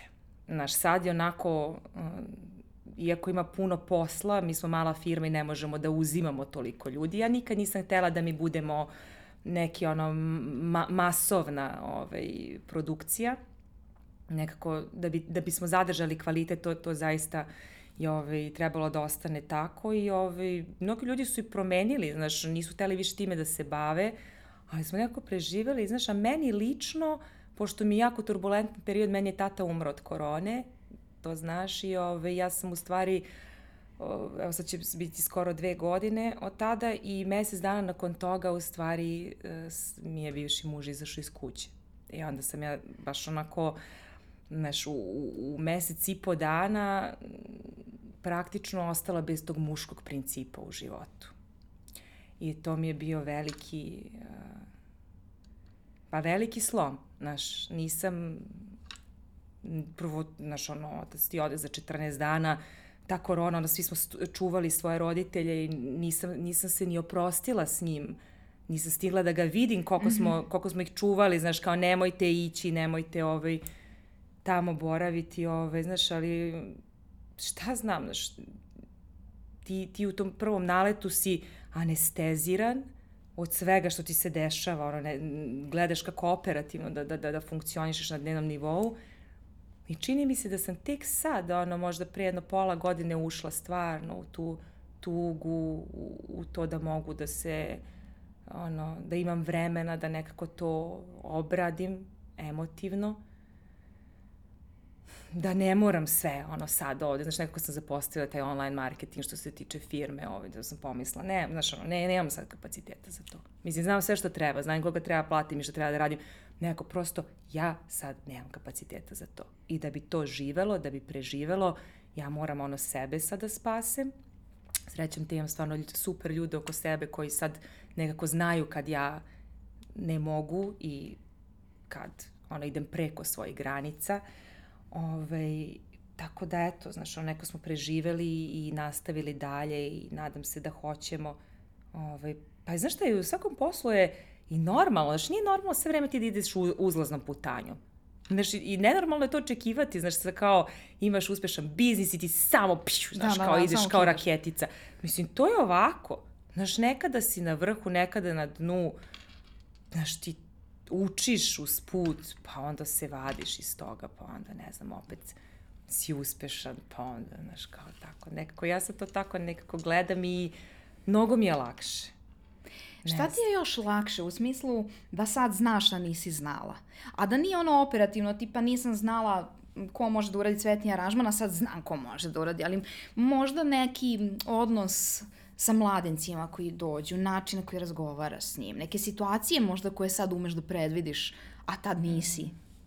Pa iskustvo je majka Mara, znaš, ono, mislim, nema tu šta. Znaš, to je sad stvarno ti kad sedneš, tebi bude jasno u pet minuta gde će biti komplikacija, gde neće, ovaj, dobro, uvek te nešto iznenadi, tako najbolje učiš, ne možeš sad ti kao sve, sve znaš, sve, svu pamet sveta si pokupio.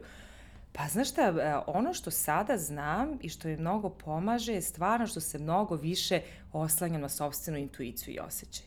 Ja to ranije nisam imala hrabrosti od toga ne znam hiljadu drugih stvari, ja sam potpuna neznalica u poslu, u biznisu, ja sam ceo život bila u biblioteci, kako ću sad ja, znaš, kako sad ja tražim procenat, kao kako to sramota, znaš, kako sad ja tako nešto kažem, ja ti nabacujem posla, razumeš, kao, to se čoveče bre radi ugovor, mislim, to sad kao, to su prosto neke normalne stvari.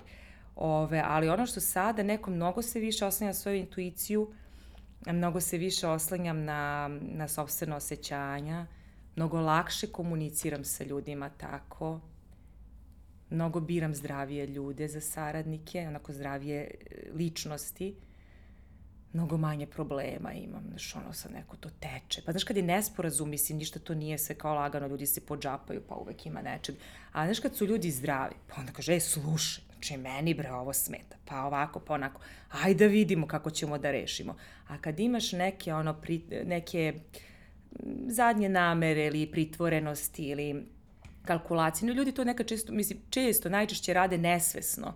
Pa neko hoće da, da i dalje budete dobri, pa guta nešto svoje, pa ti onda zarad tog odnosa gutaš svoje. Mm -hmm. Svi se mi prodajemo za odnos, znaš, u, u, u, u prijateljskim odnosima, što, što su nam ljudi bliži, to se više prodajemo. A to je baš onako caka, kažem, ono, neko sad reagujem, trudim se, ajde da ne kažem, reagujem, trudim se da, re, da reagujem na prvu nakostrešenu dlačicu. Znači, nešto mi smeta, ja sam se nakostrešila i znači ja sam da kažem, sad vidi da ti kažem, pa stvarno, meni to sad nešto, znaš, nešto mi ne odgovara, ajde da vidimo šta ćemo tu sad. I onda ti u stvari vidiš, znaš, zdrava ličnost i e, traži rešenje zajedno s tobom, kad želi. A ljudi koji nisu okej, okay, prosto ono, ne možete naći zajednički jezik. I mnogo ove bolje klijente privlači, moram ti reći. Mislim, ne u, u platežnom smislu, ljudi sa kojima a, lakše vibriram, znaš, la, lakše se Lakše se dogovarate. Da, da. Eto. I koliko te oni prepuste? Jel ti dođe neko ko baš ono tačno zna šta hoće i tebi objašnjava šta treba da radiš ili ti daju puno poverenje da im ti napraviš to što pa ima ti misliš da njima da, treba? Da, ima i ovako i onako, znaš, što kaže moja saradnica Nikica, kaže, jo, najgore mi kad mi dođu pa kad kažu, ja, mi uopšte nismo zahtevni, mi ništa nismo komplikovani, mi ništa nećemo, što na kraju. Ti su najgori. kao na kraju, znaš, izma.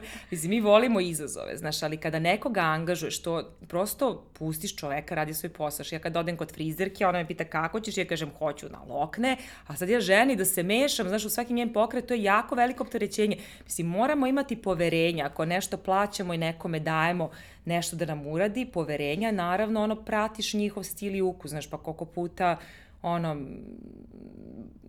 važno je da ih navodimo, da ljudi nekako, ovaj, mi, da radimo za njihovo dobro, znači mi smo tog dana stvarno domaćini i ja želim da njima bude lepo u toj kući, znači kad si ti domaćica koja sve to vodi tamo, ovaj, da, da gostima bude lepo, da njima bude lepo, da se bude kao u njihovoj kući. Tako da, ovaj, eto, ima i ovakvih i onakvih, ali trudimo se, znaš, neko da nađemo neko onako zajedničko rešenje i da im bude lepo, jer meni je cilj da oni uživaju. Ba i ja da uživam. Da, i ono što si pomenula, i onda stvarno uživaš u toj energiji koju, koju dobiješ od njih za uzvrat. Znaš šta mi je isto važno da pomenemo? Uh, mama si i to devojčice, mm. što je nekako na Balkanu uvek uh, izazovnije nego kad biti devojčica, ne biti mama. Mislim mm. da je mm. jednako izazovno biti mama čega god. Uh, pa mislim čak i, i kad nisi mama, nego si, na primer, ne znam, imaš kućnog ljubimca, pa činjenica yes. da brineš o nekom živom yes. biću je sama po sebi izazovna. Uh, Uh, tako da ne pravim tu, tu razliku, ali odrastati kao devojčica jest, donosi jedan ceo set nekih predrasuda u našem društvu sa kojima dečaci ne moraju. Mm. Imaju oni neke svoje izazove tokom odrastanja, ali nekako devojke, žene ovde lakše osuđujemo i to je ono što si mm. pomenula da je na ženi odgovornost da mm. za, za brak koji nije uspeo. Evo ti za futbal, evo sad šta je bilo, da. nečija žena je ne znam šta, yes, ti yes. propade nam čoveče reprezentacija, Cijel, ono... Da, zbog žena, kaže, yes. Šta ja svaki put pomislim? Kažem, bože, koliko smo moćne, zamisli, pa kad mi jedna ta osoba kao može takve stvari da napravi, kao bože, kako, samo, samo mi to nismo shvatile. Da, da. Da. Mislim, gluposti, ali ajde, neka, neka bude, mislim, ta, ono, mislim da stvarno treba tu krivicu da stvarno transformišemo u, u, u tu moć. Pa mislim, znaš, ono, moć za opšte dobro, a ne sad kao da prihvatamo na sebe, da se non stop ono, krivica, pravdanje, krivica, pravdanje. Oprosti što sam te prekinula, molim Ne, ne, ali jeste, mislim, na, na, na tragu si toga što, što pričam, zato što jeste nama uh, a, krivica usa, usađena prosto u podsvest vaspitanjem na Balkanu i mm. to nemamo mi roditelje koji kažu sad ćemo mi da igramo da, da izgradimo krivicu, ali prosto to su neki obrazci koji se ponavljaju transgeneracijski mm. i onda prosto dođu do nas i mi smo u stvari možda prva generacija koja ih da. je osvestila mm. i koja se trudi da ne prenese svojim čerkama. Mm. I u tom smislu osjećaš neku posebnu odgovornost što si ti zapravo role model svojoj čerki. Znaš, neću da te pitam ono što mene pitaju, kao, i sad kako ti njoj preneseš te vrednosti? Pa kao tako što sednem utorkom u dva, mi ovako pričamo o vrednostima. Mislim, to se ne dešava, znaš, da. nego prosto time što ja radim i što jesam, ja njoj nešto prenesem. Da li je to dobro ili loše, vidjet će ona na jednog dana kod svog terapeuta. Tako je. Ima već kasicu za terapijicu. Da, da, da, da. Šta da radim? Da. Ja je rekla mu terapeut da si ti meni živ i zdrav, da dočekaš i moje dete i eto, super. Ove, ovaj, pa baš to, baš to, znaš, jeste odgovornost, ali i prelepo. Znaš, ti stvarno sad imamo šansu da menjamo svest. I, uh, toliko viđam fenomenalnih žena. Uh, super žena, onako zadovoljnih, osvešćenih i, i mislim da one Znaš, da je to jedini put da onako i povuku i muškarce. Znaš, u jednom trenutku stvarno je ta kriza ove, muževnosti, kao žene su prejake, ali, ali ne prejake u smislu, znaš, kao sad idu ovaj, u, u, u muške uloge, nego, kako ti kažem, tu biće koje rađa život i svet. Znači, morala mu je, mo, mo, data mu je snaga.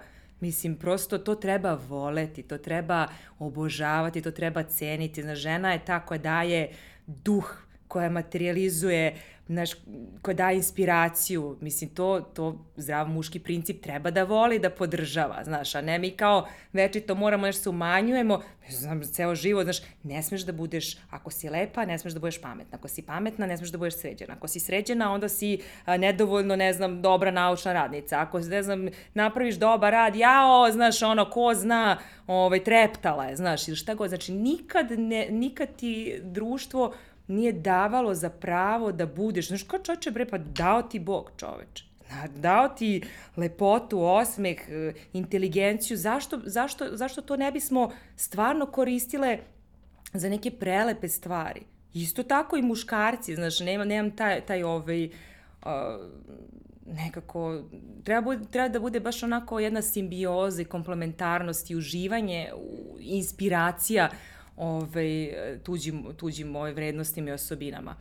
A, velika mi je odgovornost što imam čerku i kako ti kaže, e, strašno mi je, e, znam šta sam ja sve prošla i e, strašno me trigeruju te stvari, mm -hmm. kad u mhm. stvari vidim da ona ulazi u to, da ulazi u krivicu, da ulazi u bes jer ne dozvoljava sebi da bude tužna, ali mi je s druge strane sada lakše što ja ne ulazim u te emocije Znaš, to mi se naše mame nisu, nisu umele, jer, e, što kažu, ono, kad vidiš da, da ti je dete nekakvo i kad ti emotivno strašno reaguješ na to, to je tvoje malo dete, a ovo te samo tvoje dete stiska mm -hmm, tačno tu gde je. si ti povređen i traži reakciju. Znači ti možeš da se razgoropadiš, ti možeš da tučeš, ti možeš da ne znam šta, a možeš čoveče da vidiš u tom trenutku kao šta ću ja sada radim sa ovim mojim, da li ću da se sklonim, da li ću, znaš, a opet si odgovoran za to biće.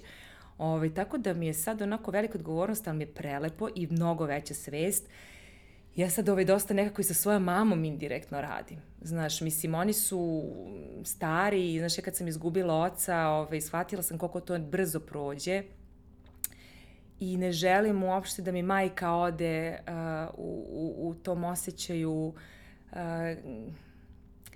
krivice. Uh, želim da ona bude srećna svojim životom, a evo, mogu kao žena time da svedočim da će moje dete biti srećno ako ja zaista budem bila srećna i ispunjena i ako nju rasteretim toga da je ona zaslužna za maminu sreću, za mamino raspoloženje, da li ona bila dobra, nije bila dobra, ne, ja sam biće za sebe, odgovaram za sebe, mo, sa svojim detetom sam u odnosu, ali kao što nisam ni ja odgovorna sasvim za njen život i njenu sreću, tako ni ona ni za moj. I ovaj, eto, greota bi bilo da ne iskoristimo tu šansu, znaš, sad kad nam je kad nam je data. Znaš, stvarno onako super neki osjećaj da od tebe kreće sve. Mm -hmm. Velika odgovornost i veliki, znaš, ono, ko još tako, što ako nešto zeznem, znaš, kao šta sad, znaš, ali što bolje upoznavanje sebe i samo uh, role model, nema, nema drugi. Znaš, uh, u seriji Kruna, The Crown, ima uh, scena kada su se već razveli Diana i Charles i više se ne sjećam ni ko pita Williama, princa koji u tom trenutku ima, ne znam, 12-13 godina i gleda o tome kako mama ima odnosno gleda kako se špekuliše da li mama sad ima nekog Dodi Alfajeda ili nema. Nekoga pita šta on misli o tome, a on ok, znam da je serija, ali svejedno mi je fantastična rečenica. On kaže, ja samo želim da mama bude srećna. Hmm. I to je, mislim, početak i kraj. Hmm. Znaš, da tvoje konstalacije sa drugim ljudima ili tvoji poslovi ili to što radiš ili na što trošiš vreme, da je zapravo oni na kraju, deca na kraju prepoznaju da li je mama srećna ili nije mm. i to je hmm. možda u stvari naj, najvažnije. Oni su još intuitivniji od nas i na tom organskom nivou oni osjećaju da li je mama da. srećna kao životinjice. Znaš, ja mislim da što ih pre rasteretimo te odgovornosti za sobstvenu sreću i ispunjenje, da će njima sutradan biti lakše. Tako je. Jer će i oni moći isto tako da ovaj, uzmu za sebe šta im pripada i, i lakše i da budu ono u odnosu sa drugim ljudima. A ne ovo večito ono preterani osjećaj odgovornosti ili ne znam potpuno ono disfunkcionalnost, beženje od odgovornosti. Uh, ne struktura, znaš, mislim, roditeljstvo je stvarno izazovna stvar, znaš, ti treba budeš ono roditelj i to kao, znaš, postavljati granice, znaš, kao to, to čuveno, a s druge strane ne nasilne, nego prosto neke organske i da se ovaj, zna šta može, šta ne, dete, dete, roditelj, roditelj, ali opet ovaj, ja sam stvarno kroz ovaj proces razvoda, pošto smo dosta upućene jedna na drugu, znaš, ona je stvarno videla mamu svakako Znaš, i mamu koja plače, koja se raspada. Ja sam na početku, ove, viš, to je baš onako važno, možda i da kaže, na žene prolaze kroz to, sad nakon korone, mnogi, mnogi ljudi, ove, ja kad sam se razvela, ja sa detetom, znači nisam mogla da odem na pet minuta do parkića, kakve sam strahove imala. Znači, ja, ja, stvari koje sam ranije radila dok sam bila u zajednici, dok sam bila, da kažem, u safe zoni, ja kao, znaš, kao da mi je neko oduzeo moć. Ja ne znam šta da radim. Ja odem sa detetom do tržnog centra, tata je zove, ja krenem da se gubim. Znaš, ja ovako što pre da mu se javim, vadim telefon, dete mi ide i udara u banderu i kreće krv iz nosa. Znači, znaš, to, to je takva jedna ono, gubitak, sve, gubitak svega, znaš ti kad si sa nekim godinama, tebi se izgradi identitet u tom odnosu, i, i ti kao majka si nekako unutar tog odnosa i sad ti odjednom, znaš, to sad stvarno neverovatno zvuči iz neke pozicije kad imaš nekako sigurnost, pa kažem ti, nisam mogla žena da odem hleb da kupim. Od tog osjećaja bespomoćnosti, nemoći, um, odbačenosti, znaš, svašta, svašta te tu sad nešto ovaj, trigeruje, a imaš dete o kome treba da brineš. I ti kao znaš da sad kao tog dana treba da ideš na posao, zaradiš pare i da se dozoveš i da, i, i da ona to gleda i znaš sad se ti preispituješ, hoće to njoj ostaviti traume, šta je mm -hmm. sad, mhm. znaš. Mislim, ja, ja svoje dete isto vodim kod psihologa jednom sedmično, kod deči, kod, kod dečijeg psihologa i to mi je jedna od boljih odluka, iako to košta ono, kako ti kažem, ne, nedeljno dajem jedne patike za dete. I, znaš, ali nekako smatram da ulažem u njeno zdravlje i u njen pubertet, jer ne želim da imam dete koje je gomilu stvari potisnulo da bi mama i tata bili srećni, osjećaj krivice da su se mama i tata ra rastali zbog nje, jer deca to uglavnom mm -hmm. misle jer nemaju tu sposobnost ovaj, doživljaja sveta i kao oni su odrasle osobe. Znaš, ako su budale, nek su budale za sebe, su budale, ali kao nije do mene. Ovaj, uh, ne znam ni sada šta sam tela da kažem, ali u suštini mislim da je, da je jako važno da dete vidi roditelje u svim stanjima znaš, to je nekako to što se izbegava, to kao, i sad ćemo mi da vas pitavamo decu, sad ćemo mi da pričamo samo lepe stvari, sad ćemo mi moliti pred spavanje, znaš, i tako. Mislim da, da, da je jako važno da vide bre ono, da mama je sad jako tužna i mama ono, mnogo mi je teško, ovaj, bez ono prebacivanja krivice na drugog roditelja, jer želim da ima divan odnos i sa, rodi, sa drugim roditeljem i sutradan da nema problem u partnerskim odnosima, jer je otac ovaj, za to u stvari, da kažem kako će se ona sa, sa, sa svojim partnerima ponašati. Znači, mnogo sam tužna, mnogo mi je teško, to može da traje, ali sad ćemo nas dve nešto da uradimo, da odemo na kolače ili sad ćemo nešto crtamo i mama će onda da, na, i, da nauči sebe i tebe kako se iz te tuge izlazi. Znači, da li ćemo da pustimo muziku, da li ćemo da čitamo neku knjigu, da li ćemo da gledamo film, ali nećemo ostati ono depresivne, tužne, ali je normalno da budemo tužne. Nije normalno da budemo depresivne. Eto. To si divno, divno si to opisala u Inside Out Pixarovom filmu, je to baš divan trenutak jer je film o emocijama i sve vreme je sreća ta koja je dominantna i koja se sve vreme trudi da ove druge potisne, da, da, da im oduzme tu kontrolu. kontrolu da, da, da. I na kraju tuga nekako, ne znam, preuzme to i onda svi shvate da je to nužno, da je to potrebno mm. i da čak i toj sreći je posle bolje jer su imali period kada je tuga držala te kontrolne mm. palice. Mm. Jer to prosto mora tako. To da. sam ja takođe, ja sam potisla kad je meni tata umro i dugo, dugo ja nisam uspevala da se suočim sa tom tugom, nego sam se pretrpala poslom i mislila to će samo da prođe. Mm. A ne mm. prođe nikad, prosto kako ga ne pustiš na vreme, onda kad izađe možda još intenzivnije izađe. Mm. Znaš šta, ovaj, baš je to, baš, baš je tako to lepo slikovito opisano, ispod tuge je uvek sreća. Prvo smo svi besni, jer to to nekako to je, znaš, ono, ti radiš, ti kidaš, ti nešto, samo da nestaneš, e onda kad staneš, kad više nemaš, kad se ispucaš tim besom i tom energijom, ti onda kad staneš i kad uđeš u tugu, onda možeš da uđeš i u oprost i otpuštanje i u sve i onda stvarno ize sreća. Baš onako ona čista, sreća bez eh, izveštačenosti. I evo za kraj našeg razgovora nešto da, da ovaj, završimo na, mislim možda ne, možda sad kažeš nešto potpuno negativno i tužno što će nas rasplakati, ali pitanje je zapravo dosta onako uobičajeno, nije, nema neku naročitu dubinu. Uh, šta ovih dana, uh, u stvari prvenstveno me zanima šta čitaš ili ne mora da bude ovih dana, šta je nešto što je važno da mi pročitamo, jer kad si neko ko se kao ti jako dubinski bavi srpskim jezikom i uopšte jezikom, onda ti imaš i drugačiji odnos prema knjigama. E, ali najteže kad pitaš nekoga, ono, sa književnosti, ono, šta da čitam, znaš, to je toliko... Sve kao, čitaj. Znaš, ono, joj, ne znam, znaš, ja sam, ono, možda sam godinama, ovaj, toliko negovala taj svoj intelektualni e, rast i razvoj, a sad sam se možda onako krenula više ka tome da negujem svoju dušu, znaš, sad mi ovaj, jako prija uveče ništa da ne gledam, ništa da, da se isključim, da ono, se molim, meditiram, znaš, nekako mi, baš, baš mi sad e, to okretanje kao unutra prosto jako mi znači. Ove, I sad stvarno, bože, sad ko neka tuka, ali razumeš, bukvalno ono, ne, kao šta Ali ja ne čitam. Znaš, ono, šta kao što... Ja, ja, a sad stvarno, ono, čitam naučne radove, jer pokušavam da, ovaj, da, da završim tezu i to mi je onako važno i sad, eto, ne znam ni da bi se do tome trebalo da pričam, ali ajde.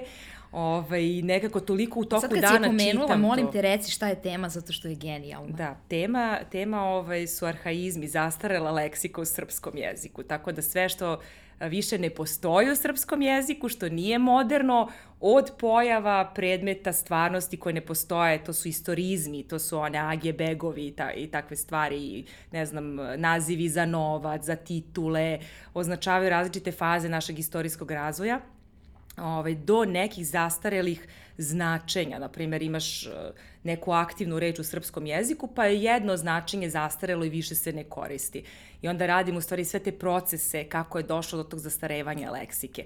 I to je onako jedna ogromna tema gde ima oko 15.000 jedinica u srpskom jeziku gde uopšte nisam očekivala da je, da je toliko uh, značenja reči uh, ko, ko, koje su zastarele. Znaš, nikad ne bi rekao jer, jer nisu aktivnoj upotrebi. To je stvari baš taj, kaže, pasivni leksički fond i dosta tih reči živi u izrazima, znaš, kao, kao Ala i Begova slama, pa recimo, znaš, kao one su aktivne na taj način, ili se re, revitalizuju kroz dobre pisce, kroz uh, neke publik, publikacije koje su ovaj, dobre. Ovaj, tako da je to moja tema i ovaj, ja se time bavim već, već dugo, ali sad sam onako uhvatila sam, ono, moram da se, moram da sednem i samo da sedim i strašno, ovo, evo, da mislim da je tvoj podcast ono poslednje što ću uraditi pre nego što se ono potpuno odjavim iz, ove, iz javnog nekog ove, istupanja.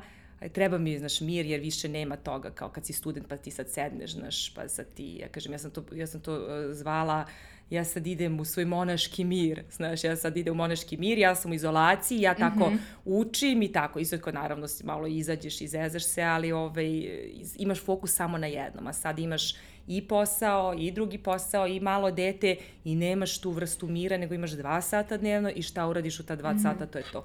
Tako sad možda nisam najbolji sagovornik ovaj, za, za neku lepu... Znaš šta, baš volim ovaj, super su mi svi domaći pesnici i, i koji su, koji su ove aktivistkinje i angažovane i volim ovaj, domaću književnost, volim da pratim šta rade mladi ljudi i, ovaj, i baš ima onako lepih romana, ne znam, Milica Vučković je super, Radmila Petrović, znaš, ja jako volim yes. poeziju ovaj, onda tako mi je to prelepo i lepo mi je onako da vidim taj, taj, taj puls ovaj, sa, savremeni puls kroz književnost. Tako da to sam onako skoro čitao. Ne znam, Lana Bastašić koja je preslatka, sva je vesela i tako mi onako razbija jedan stereotip, znaš, o ženi piscu koja tako treba da je jako depresivna. Ove, što sam pročitala, gledala sam skoro uh, operu ovaj, savremenu decu Milenu Marko, mm -hmm. Milene Marković.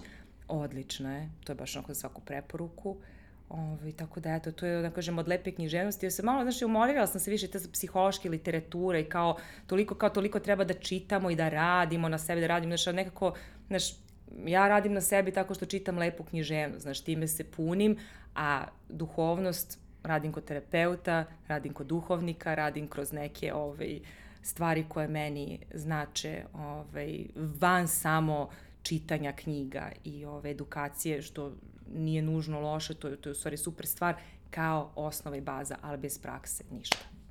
Slažem se. Na kraju hoću ti poklonim nešto, Jao, što je ovako, roze sam izabrala zato što mi je išlo kao svoj senzibilitet, ne zato što kao to je rozi žensko je, već naprotiv pre nekih pet godina kada smo renovirali lokal u kom je i dan danas Anđeli radnja, uh, dizajner interijera koji inače školovani vajar po, po struci mi je rekao, uh, jer je stavio nekakve roze intervencije u prostoru, uh, a on mi je rekao, meni je roze baš muževna boja. I to je mene onako malo mm. iznenadilo. On je rekao, pa da, ona je izvedena iz crvene. Crvena je muška boja vekovima. I sad zaista kad, kad zamisliš sad neku tamo kraljicu, princezu, neki portret, ona je uglavnom u nekoj plavoj haljini ili zelenoj, a kad zamisliš Luja, na primer, 14. ajde, to je naj, najraskalašnijeg Luja, on je u ovoj nekoj boji, u crvenoj, on je uvek u crvenom, onda Henry VIII svi ti vladari su zapravo u crvenoj, tako da je ta krv crvena borbena u stvari kao tradicionalno muška energija I zato je ovaj podcast ovako crven. I onda kad se iz nje izvede roza, koja je u stvari ta nekako malo opuštenija, ta ista energija, to zajedno sve je meni nekako izgledalo kao ti. Tako da izvoli jedne anđele. Mnogo ti hvala. Od srca ti hvala. Znači, anđele obožavam i ono, od anđela primam anđele sa s ljubavlju. E, hvala ti što si mi bila gošća. E, pričala sam ti o podcastu da još pre nego što je postao i kada smo realizovali prvo snimanje, ja sam ti i tada ove ovaj, pisala i trebalo da budeš prva druga ovaj, gošća. Ali eto, nikad nije kasno. Znači, sve kad treba. Nije ovo 38. epizoda, tako da Već? sve se de... Bravo. Kažem, nije, A nije, nije 38. 38. Nije, nije. Biće polako. Pa nije leto smo tek pričale o ovome. Uh, Da, tako da vidiš, de, desi se kad treba, hvala ti što si bila i hvala ti na ovoj nev, iskrenosti na ove baš, baš važne teme.